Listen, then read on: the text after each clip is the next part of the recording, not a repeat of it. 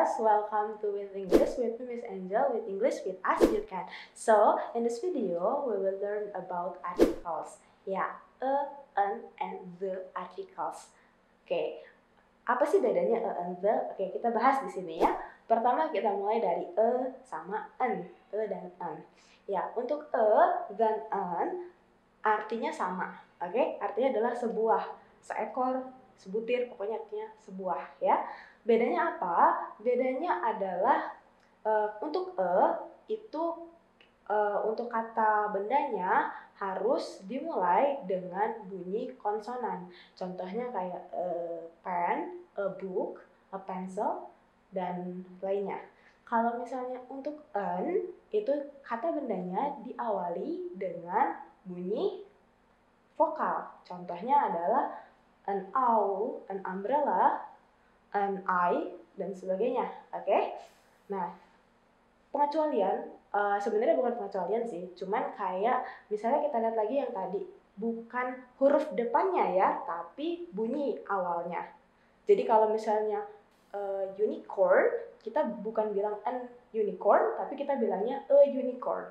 Nah, hal yang sama terjadi dengan our, our jam bukannya kita bilang a hour tapi an hour karena dimulai dengan bunyi vokal kayak gitu. Yang kedua adalah the.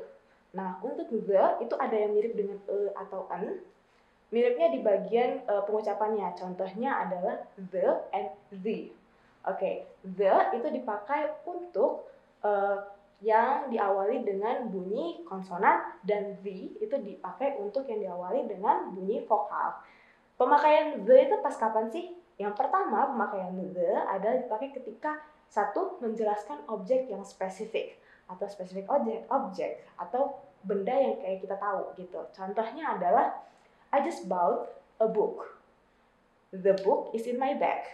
Jadi saya baru membeli sebuah buku dan the book itu spesifik dari buku yang saya beli tadi kayak gitu. Oke, yang kedua adalah sebagai bentuk dari superlatif degree.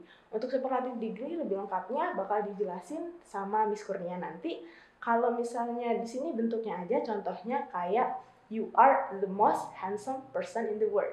Kamu adalah orang yang paling ganteng di dunia, misalnya gitu ya. Nah, di sini ada kata the. Nah, itu untuk khusus untuk superlatif degree. Yang ketiga adalah yang satu-satunya. Contohnya adalah you are the only one I love kamu adalah satu-satunya yang saya cinta. Kayak gitu ya.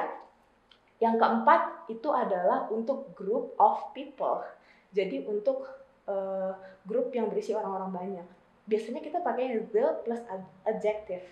Contohnya kayak the rich atau the young atau the poor. Oke? Okay? Nah, itu uh, dalam kalimatnya contohnya gini. The rich should pay more taxes. Oke, okay? jadi orang-orang kaya harus uh, membayar eh sebaiknya membayar uh, pajak yang lebih banyak kayak gitu. Nah, yang kelima itu biasanya the dipakai untuk places atau beberapa tempat. Contohnya adalah range of mountain, kayak misalnya the Alps atau rivers atau desert, contohnya the Gobi Desert atau seas dan beberapa country umumnya negara itu nggak pakai the, tapi untuk beberapa negara, contohnya kayak the United States of America, the United Kingdom, the Philippines itu pakai countries, eh pakai the. Nah, yang berikutnya uh, untuk hal-hal yang tidak pakai the itu contohnya kayak kontinen itu nggak bisa pakai the. Benua kayak benua Amerika, benua Asia itu nggak bisa pakai the. Terus untuk street juga nggak bisa pakai the. Oke, okay, so uh, udah paham? Nah, untuk contohnya kita bisa lihat di samping sini ada kalimat di samping ini. Where is blank blank blank book that I lent you yesterday? Nah, kira-kira apa isinya? A, an, or the? Ya, comment down below your answer, oke? Okay? Oke okay guys, thank you for watching. Don't forget to check out our Instagram at linkenglish.id and see you.